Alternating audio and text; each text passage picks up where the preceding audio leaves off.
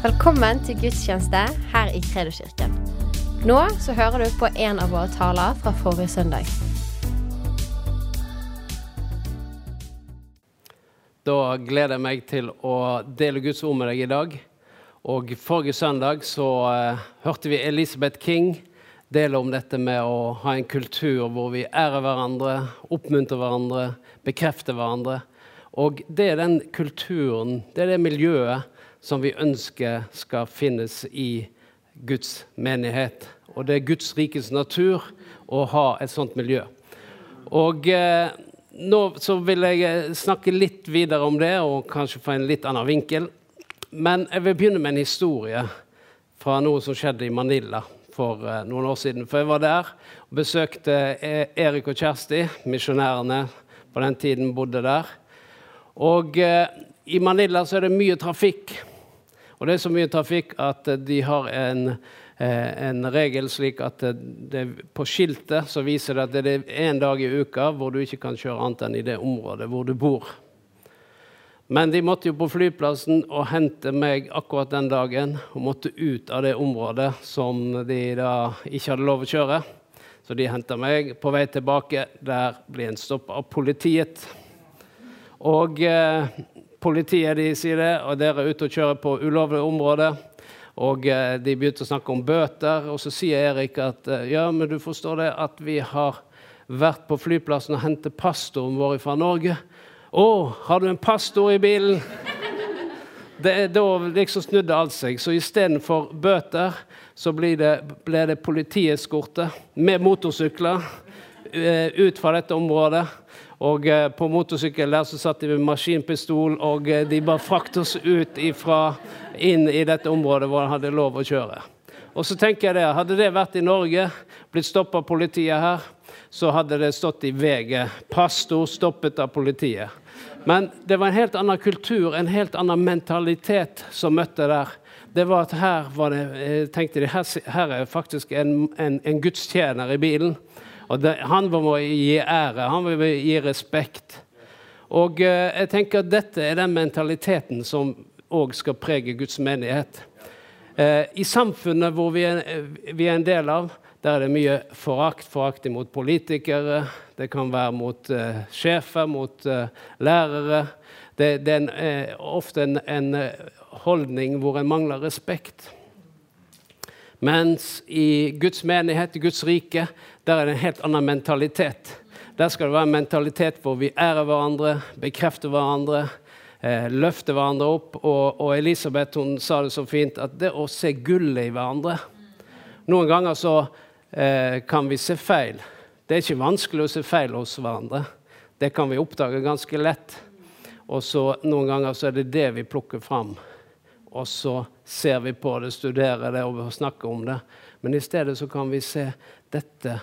Her er det gode sider som denne personen har. Her er det noe som vi kan løfte om, det er noe vi kan bekrefte.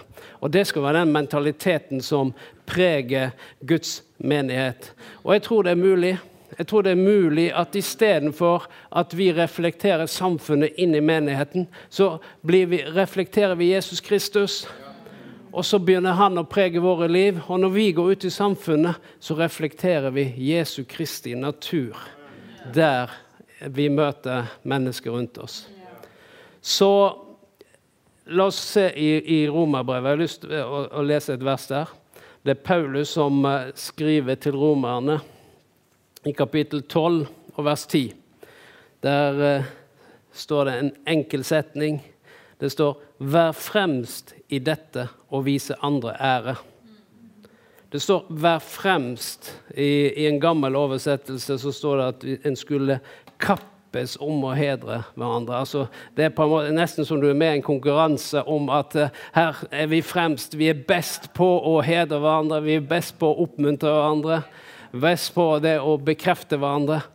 Og eh, dette sier Paulus her til romerne. La denne mentaliteten eh, prege dere. Vær fremst i å ære hverandre. Og eh, vi var mye ute og reiste på misjon for noen år siden, og da var det hvert år. Så var jeg ofte i Thailand, og der møtte vi noen misjonær, andre misjonærer. eh, amerikanere, og da spiste vi alltid sammen. Og, og da hadde vi en sånn liten sånn intern konkurranse. Hvem klarer først å betale for denne maten? Og eh, Så en gang bestemte jeg meg for at eh, denne gangen skal jeg være først. Så jeg klarte å snike meg vekk fra resten av gjengen der. Betale for maten. Så når Scott, amerikaneren, skulle bort og betale for maten, så var han for sent ute. Fordi jeg hadde vært fremst, jeg hadde vært best i å ære hele denne gruppen. Og eh, det er noe med denne mentaliteten at hvordan kan jeg oppmuntre noen andre? Og så tenker en ja, men jeg skal være best på det, jeg skal være fremst på det. Så tenk hvis vi kunne hatt en sånn konkurranse nærmest i menigheten. Ikke på uh, hvordan vi kan tokke hverandre ned, men hvordan kan vi løfte hverandre opp? Hvordan kan vi bekrefte og løfte hverandre? Jeg tror det hadde skjedd noe med miljøet og mentaliteten og forventningen iblant oss. Og uh, det tror jeg er mulig. Jesus han sa en gang at en profet blir ikke uten ære andre steder enn på sitt eget hjemsted og i sitt eget hus. En blir ikke uten ære uten på sitt eget hjemsted og i sitt eget hus. Og jeg tror at det forteller noe med at noen ganger når vi kommer nære hverandre, så ser vi kanskje ikke Gud i hverandre, men vi ser kanskje svakhetene i hverandre, eller eller en historie fra noen som har vært, og så plukker vi det fram. Og eh, Derfor sier han at, la det begynne i ditt hjem, i familien, hvor eh, dette med ære og respekt er noe som preger, hvor en løfter hverandre som eh, barn. som står i fjerde bud står det at du skal ære din far og din mor. Og da skal det gå det godt, står det. Og du skal få leve lenge i landet. Når jeg var i den uh, trassalderen, så var det mora mi, hun brukte det mot meg en gang. Og jeg var litt vanskelig. Så hun sa det at uh, visst Ja, du, det står i det fjerde bud at du skal ære din far og din mor. Og da skal det gå godt, du skal få uh, bo lenge i landet. Så da fant jeg ut at hva er løsningen på det? Så jeg sa at ja, men da kommer jeg til å flytte til utlandet. Så det, det, var en måte å omgå loven. Det var å flytte til utlandet. Og eh, det er jo sånn at eh, det å ære mor og far, det er en måte å vise respekt og ære på. Og, eh, men det samme òg eh, i familien, mellom ektefeller. Det å ære hverandre, løfte hverandre. For det er òg der i familien der er det i hvert fall lett å finne feil og svakheter. Da kommer vi så tett på hverandre at der ser vi hvordan vi er, og hvem vi er. Men der òg går det an til å skape et miljø hvor vi ærer og løfter hverandre fram. Eh, og jeg tenkte på en historie fra, Det gamle testamentet. Det er David. David han eh, gifter seg med Mikael, dattera til kong Saul. Og eh, det var jo sånn, de sto framfor presten. Og eh, han spurte Mikael. Så spør jeg deg, Mikael, kong Sauls datter, vil du ha denne David som hos deg står, til din ektemann? Det var spørsmålet hun fikk. Og så spurte jeg videre, vil du for Guds åsyn og i disse vitners nærvær elske, trøste, ære og akte ham og være ham en kjærlig og trofast hustru inntil døden skiller dere? Og hun svarte ja. Sånn som alle ektepar gjør når de gifter seg. Så svarer de ja. Men så gikk det noen år, og så ble David konge. Fikk en annen stilling. Kong Saul var død. Og så forsto han det at jeg må ta denne paktens ark tilbake til Jerusalem. Så han henta denne paktens ark og ringte den tilbake til Jerusalem. Og når de frakta denne inn i byen, så var David så begeistra over det som skjedde, at det står at han dansa av all sin kraft. Han var helt vill i sin dansing. Sant? Mer vill enn du har sett Agnar Vestli og visse andre folk. Han var helt vill i denne dansingen. Og akkurat da så ser kona ut av vinduet, og der ser hun mannen, kongen, danse som en galning. Og så står det at han forakter henne i sitt hjerte, står det. Og så kommer David hjem. Og han skulle hjem og velsigne sitt hus. Så han var jo fremdeles salig. Men hva møter han da? Han møter kona som sier Det var voldsomt hvor du skjemte deg ut i dag. Det var liksom hilsningen når han kom inn døra. Og det er jo sånn at Bibelen sier at hva hjertet er fullt av, det taler munnen. Så hvis du lurer på hva hjertet er fullt av, så kan du bare høre på hva du sier. For det du sier, det er det hjertet er fullt av. Så hvis hjertet er fullt av velsignelse og ære og respekt, så er det det som kommer ut av munnen. Hvis det er fullt av noe annet, så kommer det noe annet under munnen. Det er bare sånn vi er skrudd sammen. Og det kom jo rett ut når hun møtte David. Og så står det, det litt henne at eh, denne Mikael hun ble barnløs, står det. Altså, det kom ingen frukt, ikke noe resultat, ut av hennes liv.